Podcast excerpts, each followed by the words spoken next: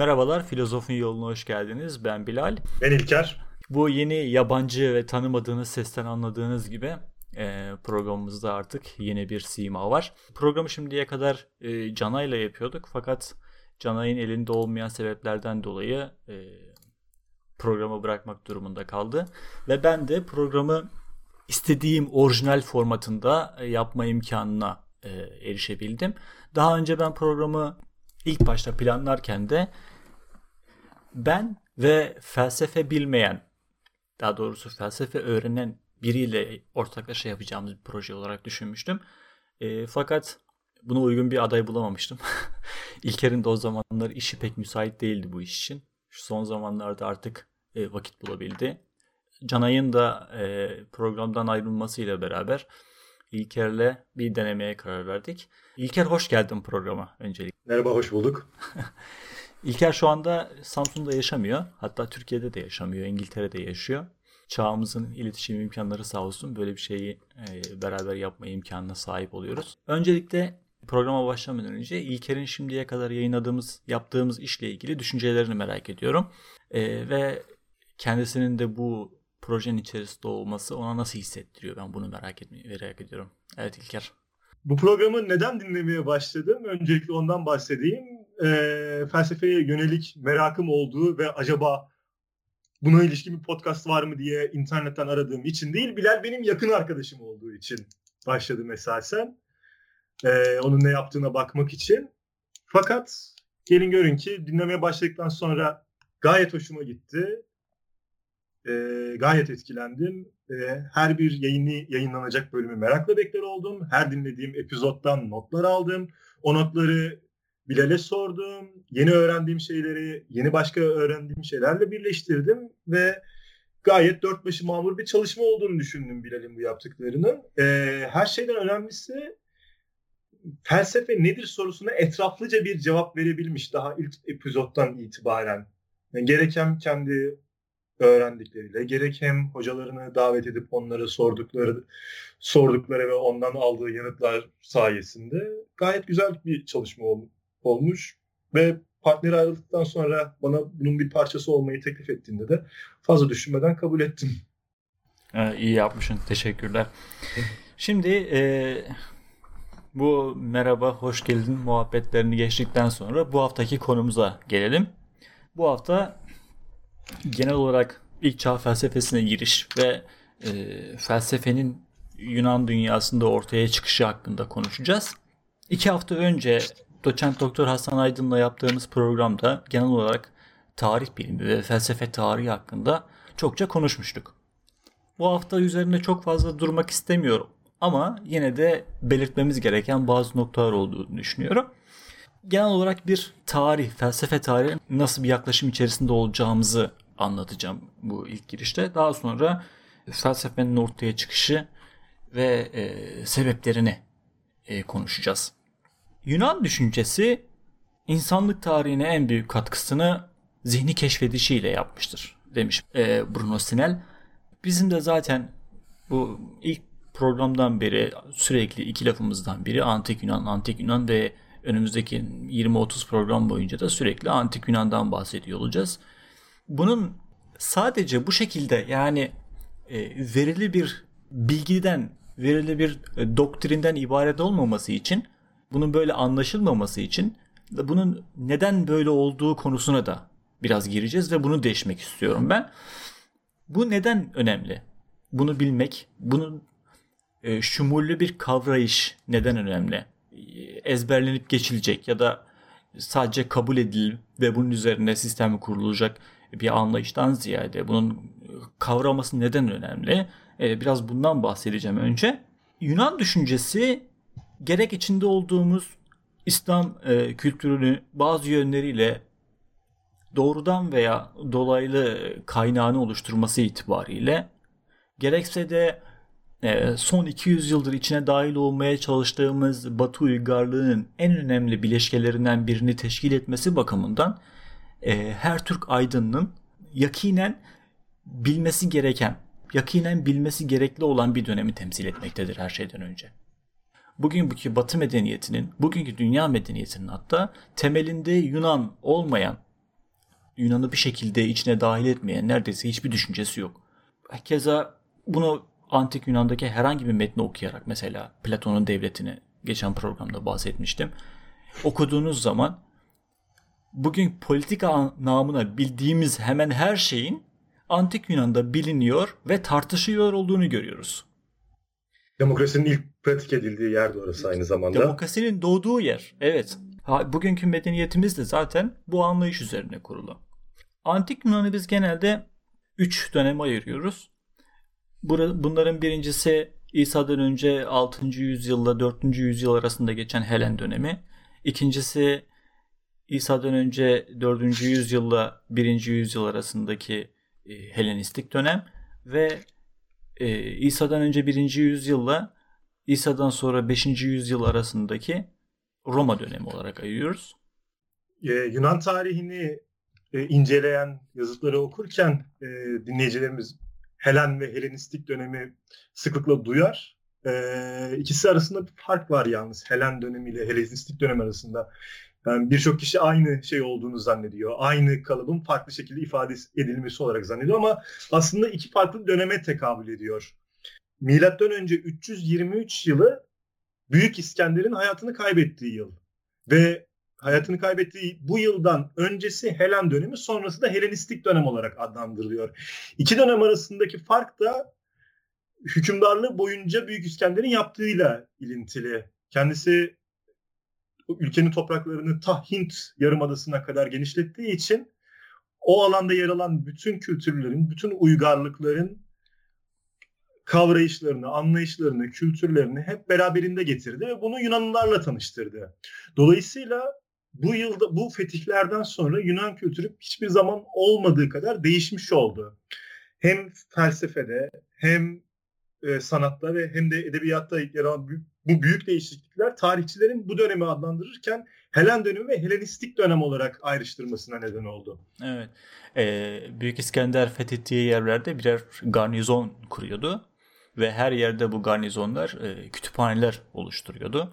Evet. E, ve bu kütüphanelerde döneminin yani en son çıkan film deriz ya böyle döneminin en sonki bilim akımları bu kütüphanelerde birikiyordu ve bu e, bunlar Yunan kültürüne dahil oldukları gibi Yunan kültüründen de kendine alıp e, bir etkileşim içerisine giriyorlardı. Zaten bunun yansımasını e, şeyde de görüyoruz. E, İslam kültüründe de görüyoruz.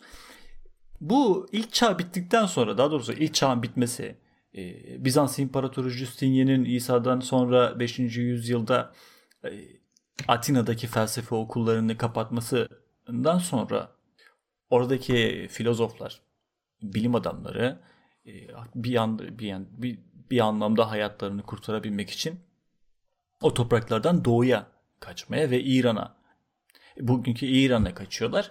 E, oradan da Harran'a geçiyor. Süryanilerle beraber e, felsefelerini Harran okulunda devam ediyorlar.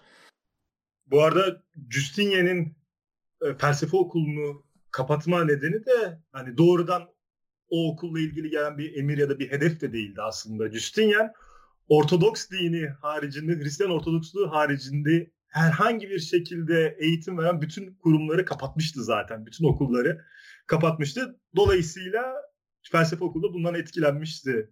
O, evet. direkt, direkt olarak onu kapattılar zaten ondan sonra. Yani Musevilik ve paganlıkla ilintili faaliyet gösteren yerler de kapatılmıştı aynı zamanda. Evet. Evet. Bu aklıma şey getiriyor.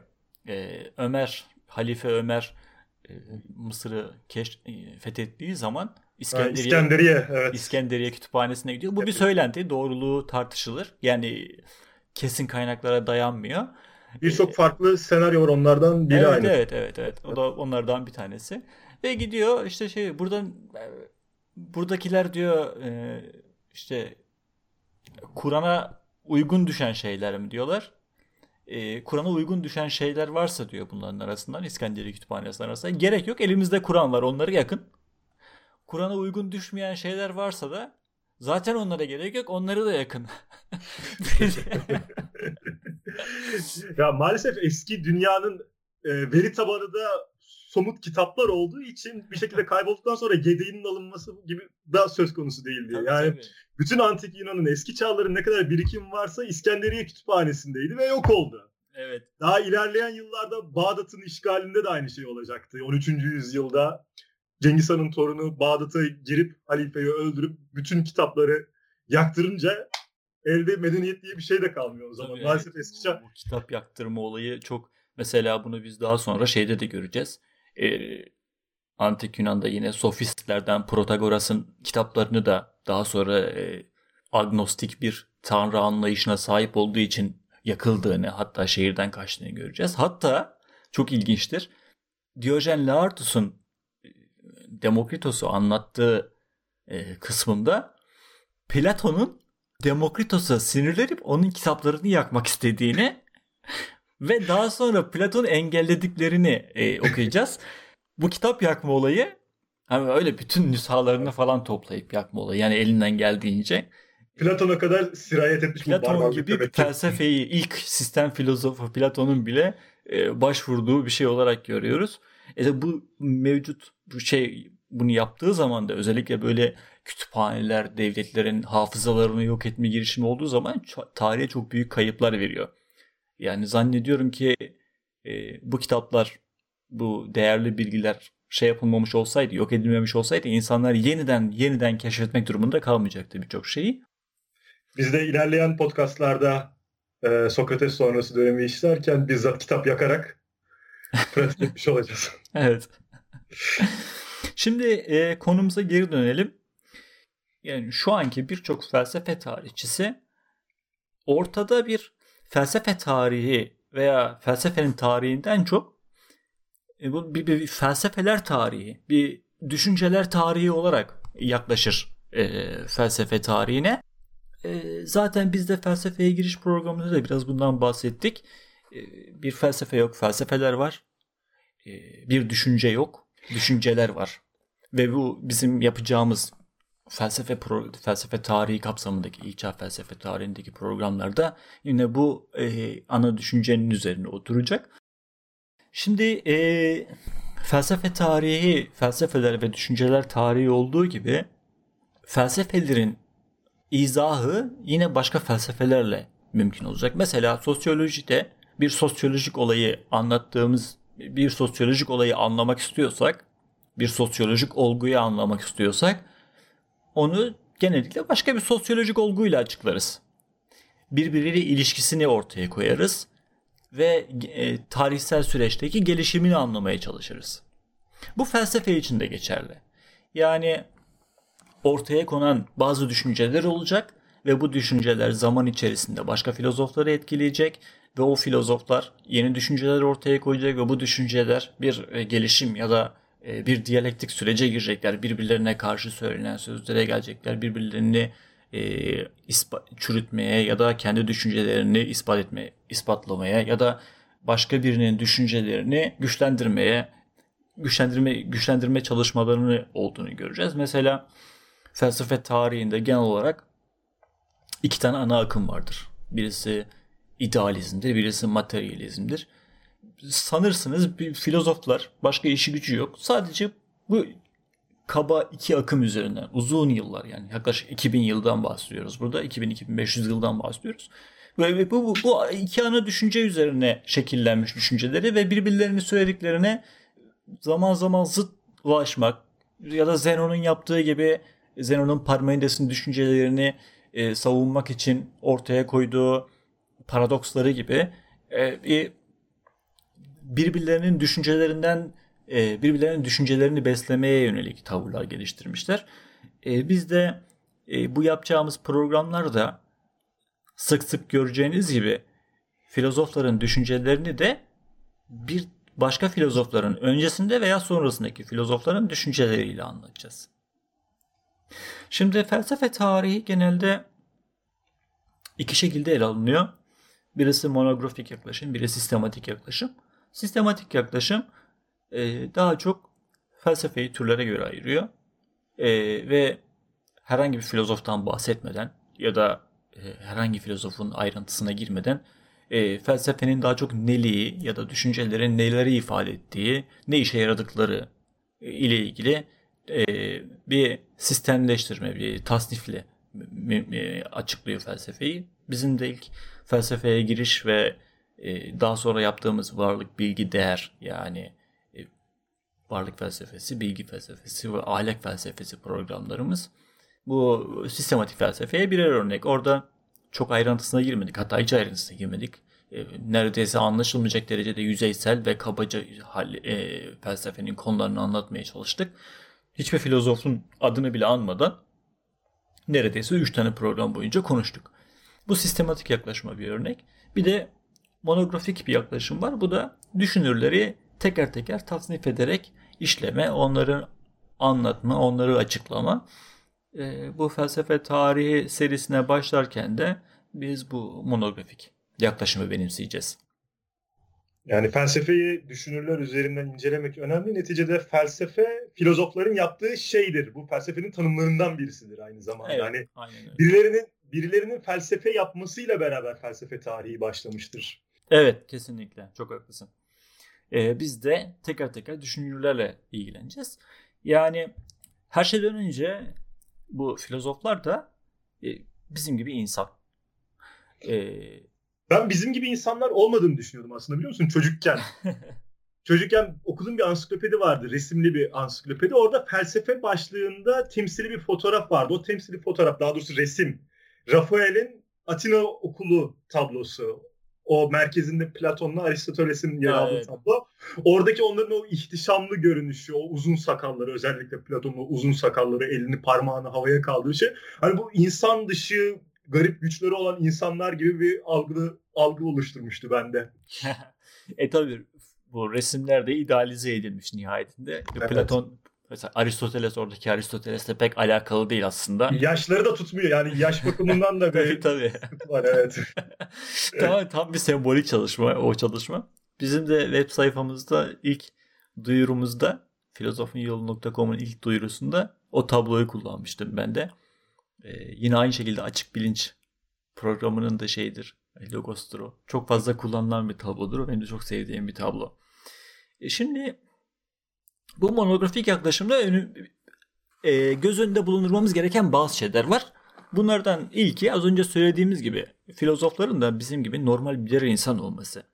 Onlar da normal fizyolojik özellikleri ve insan e, psikolojisine sahipler. Mesela Epikros. Epikros hayatı boyunca gut hastalığına muzdarip olmuş ve bunun acısını çekmiş bir insan.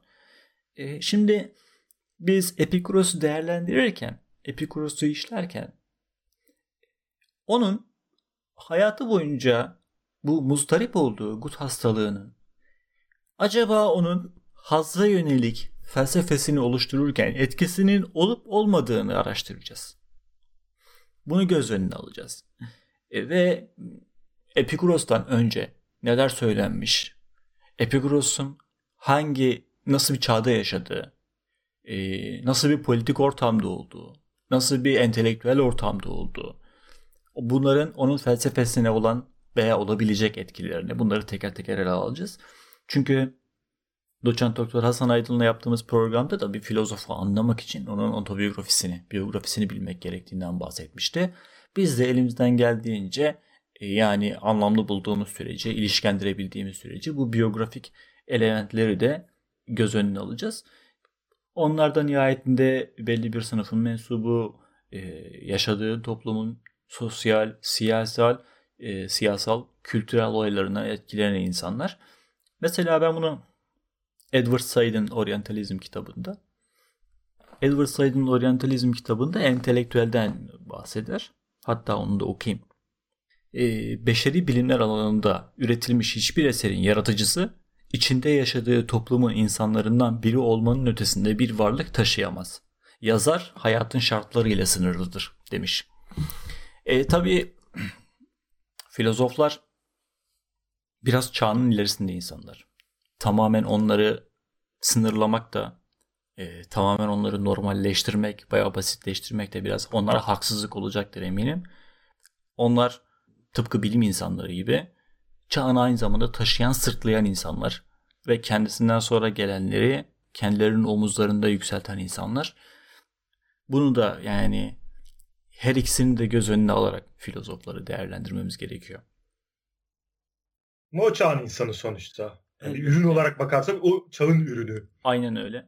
Filozofların felsefelerini kurmak için felsefelerini değerlendirirken yine onların kullandığı dili göz önüne alacağız.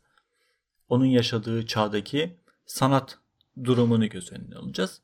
İsa'dan önce 8. yüzyıl ve 6. yüzyıl arasında ilk defa e, mitolojik metinler Yunanca dilinde yazılmaya başlıyor. Yunanlılar 8. yüzyılda e, Fenikelilerden yazıyı aldıktan sonra e, Homeros ve 7. yüzyılda da Hesiodos ilk Yunan tegonilerini, mitlerini kaleme alıyorlar.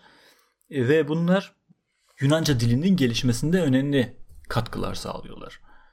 4. yüzyıla geldiğimiz zaman da Yunan adaları e, istilalara uğruyor.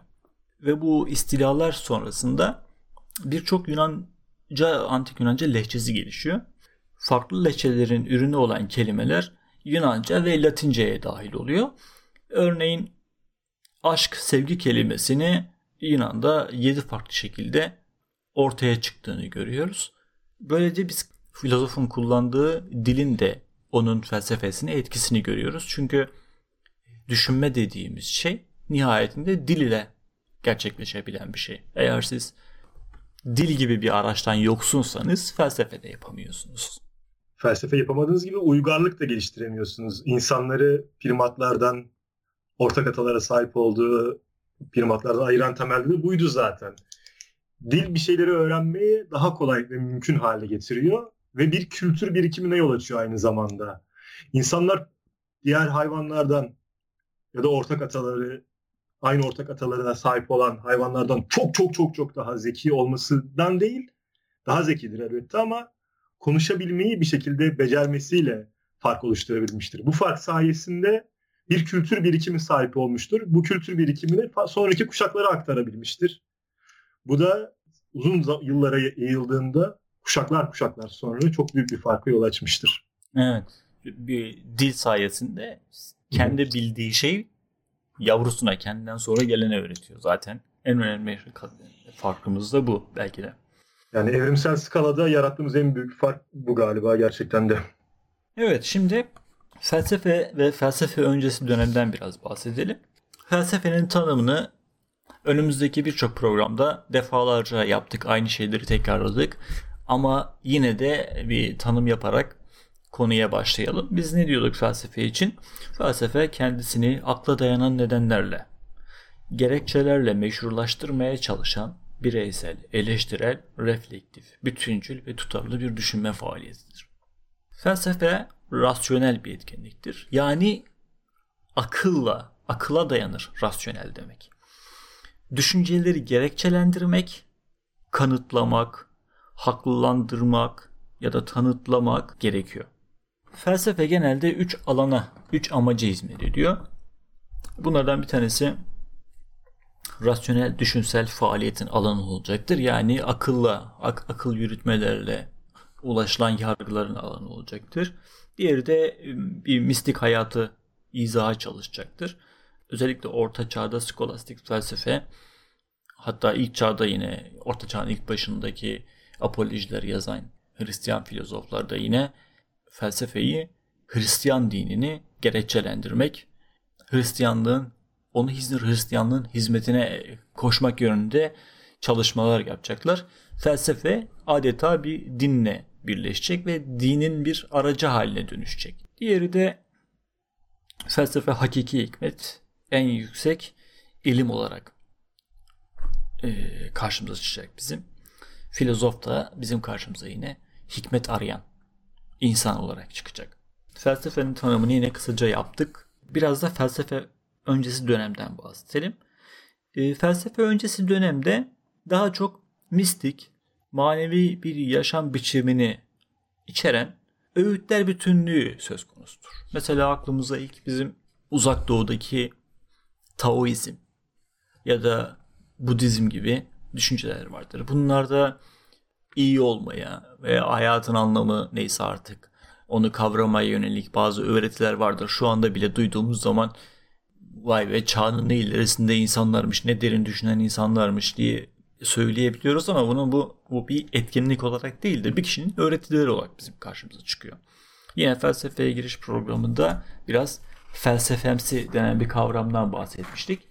Bunları e, bu felsefemsinin içerisine sokabiliyoruz en fazla. Felsefemsiyi burada biraz daha açar mısın? Ben ilk, ilk yaptığınız podcasttan hatırlıyorum ama hani unutanlar için aradan 7-8 epizod geçtiği için. Evet tabii yapalım. Bu felsefemsi tanımı özellikle mütelefa Arda Denkel'in tanımı o felsefe ile e, felsefemsi şeylerini ayırmak istiyor. Çünkü felsefe temelinde mantık, mantıksal akıl yürütmeleri kullanan bir düşünce biçimidir. Daha sonra ben şey de yapmak istiyorum. Klasik yani Aristoteles mantığını anlatacağımız bir tane program da en azından yapmak istiyorum. Felsefe bu yöntemleri kullanmadan var olmaz. Bu akıl yürütmelerle e, var olabiliyor ancak.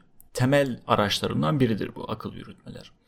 Fakat bu felsefemsiz dediğimiz düşünceler ne kadar hayatın anlamına dair şeyler söylüyor gibi görünseler de ne kadar mühim konular bazen felsefeden daha derin şeyleri düşünebilir. Çeşitli sanat dal ürünleri mesela. Bunlar bu mantıksal akıl yürütmeleri kullanmadıkları için felsefemsi tanımını kullanıyor Arda Denkel. Sen buna itiraz etmiştin. Yani sanki onları küçümsüyormuş gibi bir tavır da var demiştim. Bunda. Yani tanıma itiraz etmekten ziyade yanlış anlaşılmalara neden olabilecek yönünde bir itirazım olmuştu sadece. Yoksa yani anlatmaya çalıştığın şeyi tamamen anlamıştım zaten ha, ki bu evet. doğru doğrudur da zaten bu ama evet. hani ama böyle söylendiğinde sanki dinleyenler yanlış anlayacak anlayacak gibime gelmişti. Evet. Mu- muhtemelen de yanlış anlayanlar olmuştur. Bir diğer sorun da yani daha doğrusu bu programda bir yeni konuşmak istediğimiz bir diğer konu da felsefenin neden Yunan'da ortaya çıktı. Daha doğrusu nasıl Yunan'da ortaya çıktı. Bunun ilk nedenlerinden bir tanesi Antik Yunan'da bizim bugün bildiğimiz anlamıyla bir din yok. E, Homeros ve Hesiodos gibi ozanlar mitleri, mitleri oluşturmuşlar. Evet. İlkel topluluklarda, ilkel toplumlarda normalde daha sık görülen dini inançlar animizmdir. Animizm nedir? Canlıcılık demektir ama mesela bu Japon çizgi filmlerinde falan da vardır böyle orman ruhu, ay ruhu falan gibi böyle doğanın bazı öğelerine canlı özellikler vermek buna animizm diyoruz. Homeros'la beraber antik Yunan toplumu bu animist düşünceden daha da gelişmiş olan çok tanrılı pagan bir inanca geçiyor. E, şunu söylemekte fayda var. Homeros'un bizatihi kendisi bunları yaratmış, uydurmuş değildir. O daha çok bunları düzenlemiş ve tasnif etmiştir. Daha sonra vahiy, yani o dönemde vahiy ve tanrısal buyruk kültürü söz konusu değildir. Kutsal kitaptan bahsetmiyoruz yine. Bu Homeros'un metinleri kutsal olarak kabul ediliyor biraz ama e, bir tanrı sözü olarak değil bir ozan sözü olarak kabul ediliyor. Yani İbrahimi dinlerle kıyaslayınca yine çok e, zayıf bir yani toplumu birbirine bağlama ve onlardan bir şey bekleme açısından çok daha zayıf bağlara sahip dinler. Evet. Yani Evet, aynen öyle. Mitler bir din olmaktan ziyade daha çok gelenek olarak yaşıyorlar. Evet, ve gelenek tarihi. Yunan dininin belli dogmaları olan bir teolojiye sahip olmaması aynı zamanda e, Yunanistan'da teşkilatlanmış bir rahipler sınıfının olmayışını da olmaması sonucunu da doğuruyor. Böyle zayıf bir din e, yaşayışı içerisinde felsefe kendisine var olma imkanı bulabiliyor. Çünkü mesela İslam felsefesine baktığımız zaman dinlerin e, felsefeyi baskı altında baskı altına aldı. Hatta yok ettiğini göreceğiz. Hristiyan felsefesinde baktığınız zaman felsefenin alanlarının çok sınırlandığını göreceğiz. Hatta öyle ki 17. yüzyıldaki Cizvit okullarında bile öğretmenler o kadar e, seçici davranıyor ki kullandıkları metinlerde. Öğrencilerin yanlış şeyler düşünmesini bile engellemek için çok çaba harcıyorlar. E, yanlış so- soruları ustalıklı bir şekilde cevaplandırmayı, öğrencilerde akıllarında şüphe uyandırmamak için enerji harcadıklarını göreceğiz. Dinler her zaman bu baskıyı yaş- yapmak istemişlerdir. Ama mitler sayesinde, mitlerin bu zayıf dini etkisi ve rahipler sınıfının olmaması sayesinde mitler kendisine çok rahat bir ortam bulabiliyor. Ki bu arada ben bunu şunu sormak istiyorum. Ee, bu biraz evvel değindiğimiz Helen döneminden Helenistik döneme geçiş e, sanatta ve felsefede olduğu kadar din alanında da yine Yunanlıların yeni şeylerle tanıştığı bir döneme tekabül ediyor. E, Zerdüşlük ve diğer başka monoteistik dinlerin de bu topraklarda ilk tanındığı zamanlar oluyor aynı zamanda. Biraz evvel söylediğin konulara benzer bir şekilde bir etkileşim ve bir katıllaşma ve felsefeyi geriletme yönünde bir baskı olmuş mu acaba filozoflar üzerinde bu dönemde? Helen döneminde özellikle pek Helen döneminde de aslında biz e, Zerdüşlük ve Mani dini gibi e, hatta Hint düşüncesinin bile Helen dönemini bir etkilediğini göreceğiz. Ama özellikle ilk yüzyılında yani millet felsefesi döneminde hemen hemen hiçbir etkisini görmüyoruz. Elea yani bugünkü Sicilya döneminde Pitagoras'la beraber başladığımız zaman dinin artık felsefeyle yaklaşmaya başladığını, dinin kutsal bir felsefenin kutsal bir hüviyet kazanmaya başladığını göreceğiz. Yine antik Yunan'da dinsiz olduğu iddiasıyla idam edilen, öldürülen çok meşhur bir filozofumuz var. Sokrates'in Sokrates evet. Ee, ilk ilk felsefe şehidi. Ee, baskılarını göreceğiz kesinlikle evet. Ama Helen ve Helenistik dönem arasında yani en azından bu konuda e, çok keskin bir ayrım olduğunu söyleyemeyeceğim. Benim bildiğim yani. Sonra Antik Yunan'da mitler ve tiyatro sayesinde çok gelişmiş bir dil olduğunu görüyoruz. İsa'dan önce 7. yüzyılda Fenikelilerden yazıyı aldıktan sonra bu mitler kaleme alınıyor. Ama bunlarla sınırlı kalmıyor. Onlarda mesela bir e, ozan kültürü vardır. Ozanlar şehir şehir gezerler. Hatta yarışmaları vardır. Bu yarışmalarda en güzel şiirleri kim okursa iyi paralar kazanırlar. Bu bir meslek haline gelmiştir ve hatta bizim bu ozanlardan Senefonesinde bu ozanlardan biri olduğu olduğunu göreceğiz. Bütün ömrünü yaklaşık 69 yılını gezgin olarak yaşamış bir filozof şair. Gelişmiş bir tiyatroları var. Bugün hala sanat tarihinde öğrencilerinin gördüğü tragedyaları o dönemde yazıldığını göreceğiz. Özellikle 4. yüzyıl bu konuda zirve e, zirve olacaktır. Euripides, Aristofanes, Simpiklos'tu yanlış hatırlamıyorsam. Bu dönemin önemli e, tragedya yazarları olarak bizim karşımıza çıkacak. Klasik Yunan trajedyasının da zaten şekillendiği dönem oluyor. Bahsettiğimiz 4. yüzyıl. Evet, evet. Şeyi hatırlıyorum, yanlış hatırlamıyorsam. Haruki Murakami'nin bir tane kitabı vardı. Renksiz Tsukuru Tazaki'nin Haç Yılları diye. Orada öğrenciler işte bu 68 olaylarından 68 e, olayları gibi bir dönemden geçiliyor. Orada öğrenciler e, ok sınıfa gelip bir bildiri okumak istiyorlar. Euripides'in tiyatro e, tragedyalarından bahsediyoruz diyor. E, hiçbir şey şu anki bundan daha önemli değildir diye itiraz ediyor öğretmen. Şey öğrenciler, e, bu bildiriyi okumak isteyen öğrenciler. Öğretmen sınıfı terk ederken hiçbir şey Euripides'in tragedyalarından daha önemli değildir diye okul sınıfı terk ediyordu öğrencilere bırakmak için yani. Yani çok güzel bir diyalog. Ta Euripides'i oradan biliyordum. Daha sonra felsefe okumaya başlayınca Euripides'e tekrar karşılaştım. Yine Aristofanes merhum ya da şehit e, Sokrates'in kuyusunu kazanlardan bir tanesidir aynı zamanda. O dönemde önemli tragedya yazarlarından biridir. Bu gelişmiş dil, gelişmiş edebiyatları gelişmiş bir düşün dünyası yaratmasına imkan veriyor filozofların ve onlar da bu sayede felsefe yarat yapabiliyorlar. Bir diğer önemli unsur da demokrasi. Özellikle Perikles'in yönetiminde İsa'dan önce 4. yüzyılda e, demokratik bir site yönetimi söz konusu ve demokrasinin nispeten sunduğu özgür ortam sayesinde filozoflar felsefe yapma imkanı buluyorlar.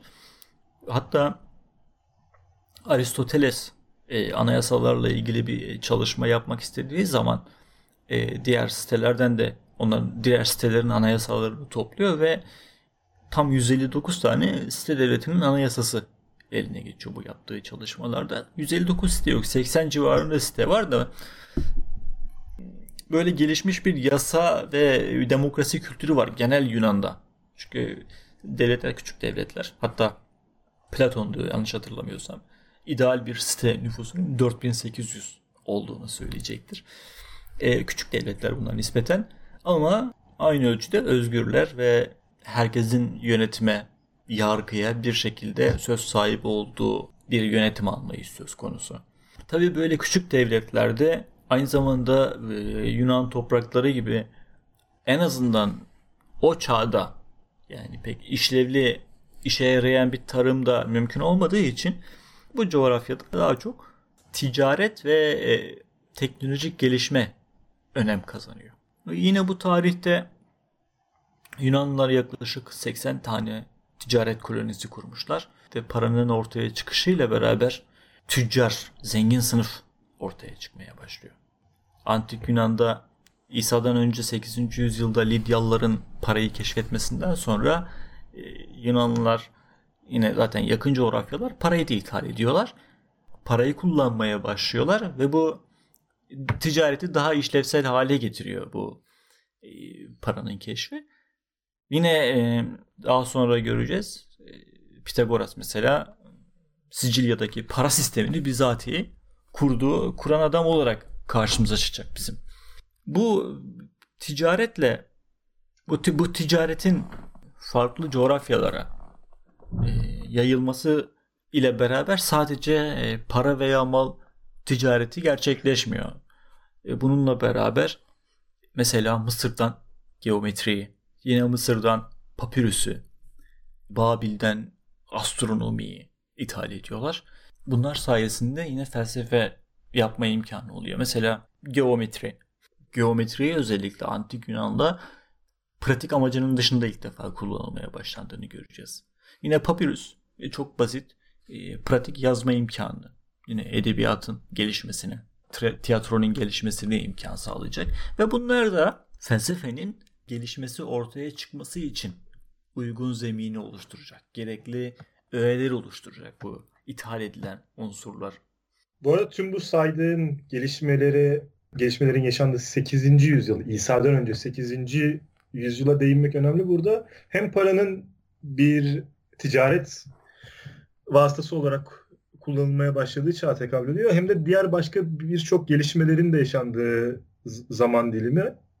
Örneğin Roma şehrinin bir devlet olarak kuruluşu da 8. yüzyılda gerçekleşiyor. Daha sonra Cumhuriyete ve imparatorluğa dönüşecek olan Roma ilk defa 8. yüzyılda kuruluyor. Homeros destanlarının yine de ilk yazılmaya başlandığı zaman yine 8. yüzyıl.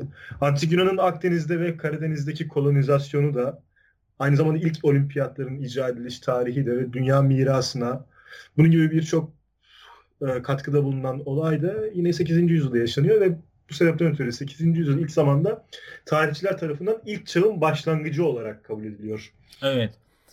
İsa'dan önce 4. yüzyıla geldiğimiz zaman da antik Yunan'ın altın çağına geleceğiz. Altın çağ, evet. evet. Yine e, aynı ölçüde zengin ürünler ortaya koyduğunu göreceğiz. Mesela antik Yunan'ın altın çağı 4. yüzyıla geldiğimiz zaman her 400 kişiden birinin dahi diye adlandırılabileceğini göreceğiz. Tıp, tarih, biyoloji, e, fizik, felsefe, müzik, tiyatro bu alanlarda çağının zirve e, dahi edildiğimiz insanlarını göreceğiz ve bunlar önündeki 25 asır boyunca medeniyet tarihini etkileyecek insanlar. Mesela Herodot tarihi kurmuş. E, Hipokrat tıp bilimini kurmuş. Az önce saydığımız tiyatrocular, müzisyenler, müzik araçları, felsefe, Aristoteles. Yani bütün medeniyetler neredeyse Aristoteles'in ve Platon'un üret, ürettiği şeyler yani bunlar. Yani dördü, dördüncü yüzyılda yaşamış, bahsi konu coğrafyada yaşamış insanlar dirilse ve dünya tarihinin kendilerinden sonra ne kadar yol aldı görse Hani bu kadar mı ilerlediniz sadece diye sorar muhtemelen. Bir arpa yol gitmişsiniz der sadece. Aynen öyle, aynen öyle. Hatta gerilemiş bile diyebilir. Mesela bir antik Yunan'daki de, demokrasi Şu anda dünyanın hiçbir yerinde yok. Belki Danimarka'da falan ya da İzlanda'da vardır. Onlarda da bile değişik, yoktur yani. Tabii değişik bir demokrasi tatbikiydi. Yani bugünkü anlamıyla düşünürsek daha elitist bir demokrasi anlayışıydı. Aynı zamanda Sokrates'in de desteklediği demokrasi anlayışı buydu bildiğim kadarıyla zaten. Evet, evet. E, Sokrates pek şeyle ilgilenmiyordu. Siyasetle ilgilenmiyordu. Daha çok ahlakın kendi ahlakla ilgileniyordu. Yani siyaset yaparken bile siyasetin ahlakıyla ilgileniyordu. Ama e, Platon mesela hayatını siyaset felsefesine adamış biri. Ya da Aristoteles yine bu konuda çok önemli çalışmalar yapmış. Bir, bir diğer filozof 4. yüzyıldan. Buradan bir kez de diğer diğer bölümlerde değindiğin gibi burada bir kez daha Platon'un devletini mutlaka okumayı da tavsiye etmeyi unutma diyorum. evet evet mutlaka o çok önemli bir kitap. Yani okuduğunuz zaman böyle gözyaşları içerisinde kalabilirsiniz. Ah bu kadar şeyi biliyorlardı da biz niye hala tırmalıyoruz insan medeniyeti olarak diye. İnsan kendini duvarlara kafayı duvarlara vurmaması işlem bile değil yani. Evet. Şeyin e, tabii bu anlattığım şeyler bu anlattığımız yani bu müthiş diye anlattığımız unsurlar e, Yunan uygarlığının özellikle de daha ötesi örneğin zaman Yunan felsefesinin ortaya çıkışını bir mucize olarak görmek, göstermek şüphesiz bilim bakımından savunulması son derece güç, ilkel ve kaba bir görüştür. Biz bu kadar saydığımız unsurlar sayesinde felsefe ortaya çıktığını görüyoruz. Ve bunları olmasaydı felsefenin ortaya çıkışından da bile mümkün ortaya çıkışından bahsetmemiz bile zor olabilirdi açıkçası. Ya mesela bakıyoruz Arap coğrafyasına. 8. yüzyıla kadar felsefe namına hiçbir şey görmüyoruz. Niye? Dil yok. Dil yok yani. 8. yüzyıla kadar bunu biraz İslam tarihi felsefesinde de İslam felsefesinde de göreceğiz ama o kadar ilkel bir dilden bahsediyoruz ki. E. Yani diliş, gelişmiş bir yazı dili yok desek evet, daha evet. doğru. Ya rakam bile yok. Mesela Arapçada normal yazı sağdan soladır ama rakamlar soldan sağdır. Hindistan'dan ithaldir yani rakamlar. Sonradan gelmiştir. Çok sonradan gelmiştir. 8. 9. yüzyılda girmiştir yani.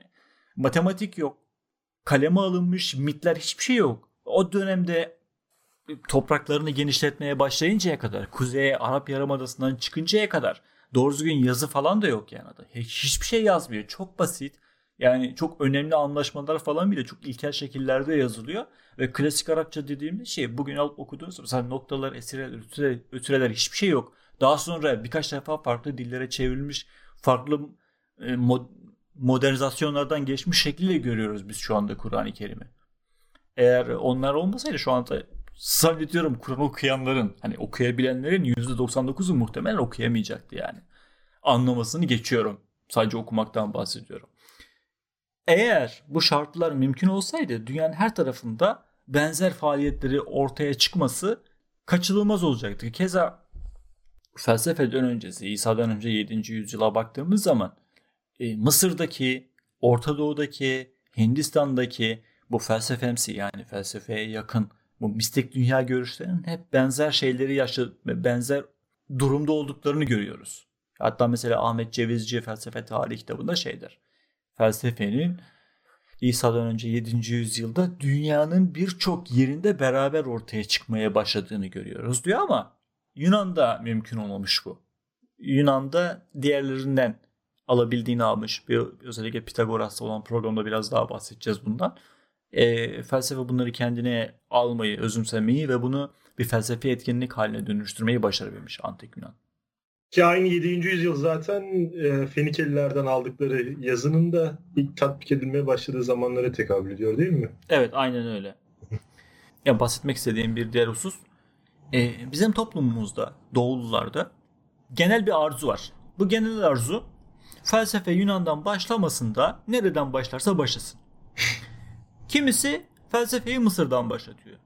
Kimisi Mezopotamya'dan başlatıyor. Kimisi daha inandırıcı olmak adına Çin ve Hint gibi yerlere kadar götürüyor. Yani hızını alamayıp 12 hayvanlı Türk takvimini bile felsefe diye ortaya koyanlar var. Dediğimiz gibi bu co- coğrafyalarda İsa'dan önce 7. yüzyıldan bahsediyor. Değerli çalışmaları var elbette. Bunların felsefeye etkisini de kimse inkar etmiyor zaten. Bunlar sayesinde zaten felsefede ortaya çıkmış aynı zamanda. Yani bunların katkısı da olduğunu söylemek gerekiyor. Ama bunlar felsefe değil. Felsefe dediğimiz şey. Ya bunları tek tek ele alıp bir disiplin olarak değerlendirip buna felsefe demek mümkün değil. Değil evet. Ya felsefe felsefe herkesin yapabildiği bir şey. Yani ortaya bir e, mesela Taoizm gibi bir, bir adamın ya da bir Budizm ortaya çıkıp öğretiler sunması değil. Felsefe herkesin yapabildiği bir şey aynı zamanda. Ee, bir düşünce sistemi veriyor. Hani bir şey vardır ya bana balık tutmayı e, bana balık verme bana balık tutmayı öğret diye. Felsefe balık tutmayı öğretir insana. Ama diğer mistik görüşler balık verir sadece.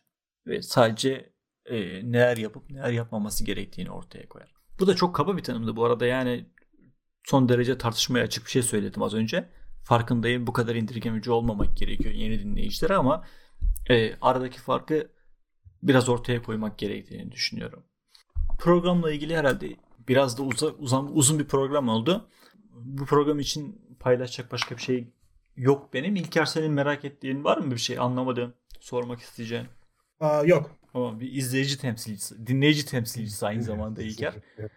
E, şunu eklemek istiyorum sadece hani antik Yunan şehir devletleri derken hani bir anlam bütünlüğü çıkarmak adına söylüyorum. Hani Atina şehir devletleri diye bahsediyoruz değil mi? Atina, Atina bu şehir devletlerinden bir tanesi. Mesela Sparta başka bir devlet. Biliyorum. E, şey şunu söyleyeceğim hani Atina aynı zamanda aralarında en öne çıkanı diğer şehir devletlerinden de insan kabul eden. Daha doğrusu hani bugünkü günümüzdeki beyin göçüne benzer bir şekilde diğer şehir devletlerinden de e, felsefe yapmak isteyen insanların geldiği bir şehir haline geliyor. Hani e, antik Yunan'da mesela Aristoteles'in kendisi Atinalı değil mesela. Stagira isimli eski bir antik şehirden gelmiyor. Günümüzdeki e, Halki'deki adasının doğusuna tekabül eden bir yerde aslında. Fakat bunun için felsefe için Atina'ya geliyor. Evet haklısın. Kurulan ticaret kolonileri sonra diğer ülkelerden yapılan bilim ithalatlarıyla beraber özellikle Perikles döneminde Atina bir cazibe merkezine dönüşüyor. Felsefe merkezi olmasına rağmen ilginç bir şekilde Atinalı tek bir filozof vardır. Platon. Onun dışında sofistler dahil bir, de Sokrates dahil edebiliyoruz bu Atinalı olarak. Mesela daha önce Anaxagoras göreceğiz Atina'ya geldiğini. Demokritus'u göreceğiz Atina'ya geldiğini. En azından bir ziyaret ettiğini. Diğer sitelerden gelen filozofların yaşamasına imkan veriliyor. Okullar açmalarına izin veriliyor. Şehir merkezinde olmasa da şehir dışında e, mesela lise şehir dışındadır biraz. Atina merkezi dışındadır biraz. E, bunların barınmalarına izin veriliyor. E, bunlardan faydalanılıyor. Mesela yasalarını kurarken, anayasalarını yazılırken bu insanlardan faydalanıyor. Onların görüşlerine başvuruyor. Mesela Protagoras'ı göreceğiz. Ee, önemli yasa yapışlardan biri. Thales mesela 7 Yunan bilgisinden biridir. Birçok devletin yasasını yaparken kullan e, ondan faydalandığını göreceğiz. Siz eğer özgür bir ortam kurarsanız insanların yaşayabileceği, e, insanların gelip bilim yapabileceği, gelip düşüncelerini ortaya koyabileceği bu felsefe gibi e, sanatın veya diğer bilim alanlarını diğer bilimlerin gelişmesi için de uygun ortamı yaratmış oluyorsunuz. Bunlar kaçınılmaz bir sonuç oluyor bu. Bir de tabii şuna değinmekte de fayda var. Ee, yine bu antik Yunan'da çok yıkıcı savaşlar görece olarak yaşanmamış. Tabii 30 yıl kadar süren Peloponnes savaşları falan da var elbette ama hani hepsinin kökünü kurutacak, dağıtacak savaşlar için genellikle site savaşları oluyor zaten. Evet, Peloponnes Savaşı da Sparta ile oldu zaten. Spartalılarla. Ama şöyle bir şey, gerçi hmm, yıkıcı deyince mesela Peloponnes Savaşı'nda Atina'nın üçte biri ölüyor. Hani yani yıkıcı derken şunu kastediyorum. Yıkıcı etkileri olan savaşlar. Medeniyetlerini ortadan kaldırmıyor. Medeniyetlerin medeniyetlerin sonu gelmiyor yani. Evet, evet. yani mesela Büyük İskender geldiği zaman site devletlerin kökünü kurutuyor yani. Artık site devleti falan kalmıyor. Evet böyle bir şey yaşamamın öyle. Bir de şöyle bir şey var.